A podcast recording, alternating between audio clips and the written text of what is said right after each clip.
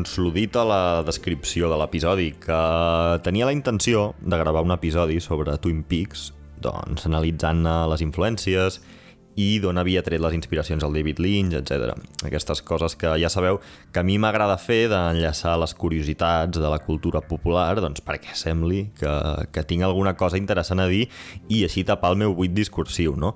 Però mm, el cas és que em vaig rajar de fer aquest episodi, entre altres coses perquè encara eh, doncs no he acabat a aquestes altures la tercera temporada de, de Twin Peaks i, i tenia una cosa gravada ja de fer un parell de mesos i com encara no he acabat això doncs dic, mira, escolta, vaig a pujar això i, i, i ja està. Però vaja, que us recomano moltíssim la sèrie perquè és molt bona, res de nou, vaja, però us la recomano especialment si sou d'aquestes persones que posa els ulls en blanc quan els companys de la feina comenten amb fascinació la nova sèrie mundana de torn que hagi manufacturat Netflix. I, I és que si sou una mica com jo, que si esteu escoltant detritus argumental, doncs hi ha molts números que així sigui, una de dos, o ja heu vist Twin Peaks o la teniu molt amunt en la vostra llista de prioritats cinèfiles.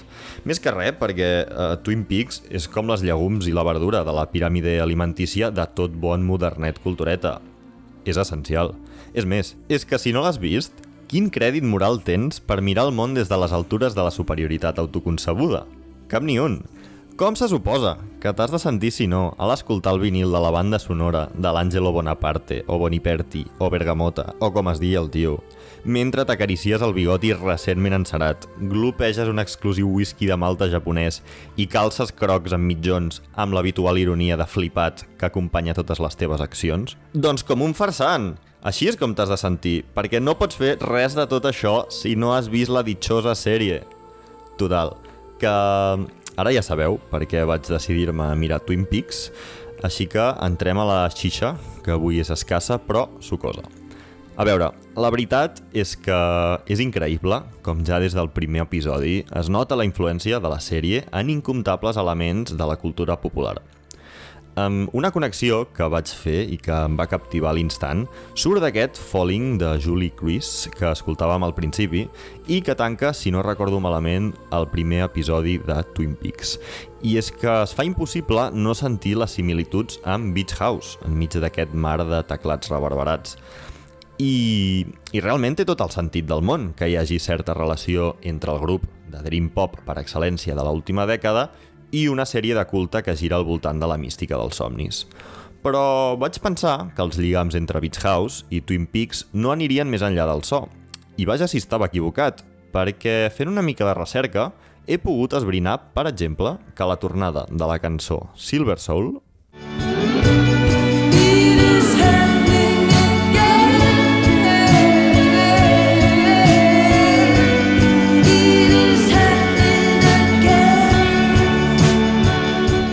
és una referència directa a una de les visions que té l'agent Cooper a la sèrie, en la qual un gegant l'adverteix del següent.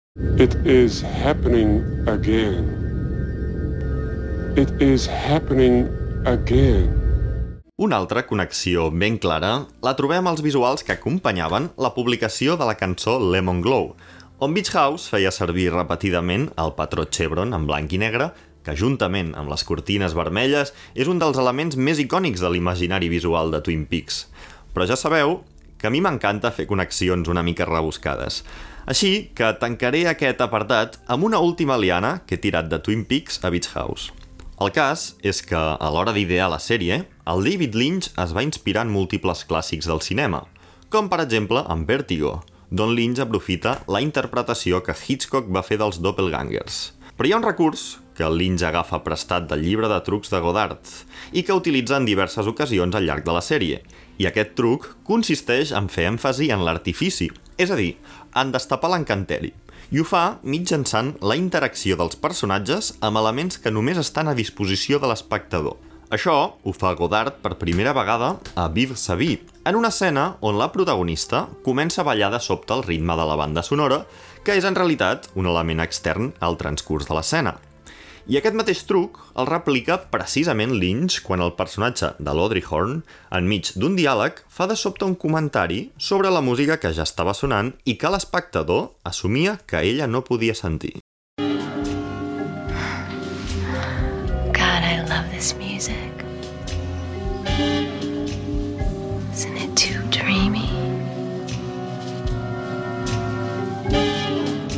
I tot seguit balla de la mateixa manera que passa a Viv Sabí i fins i tot les rajoles de terra en totes dues escenes són iguals.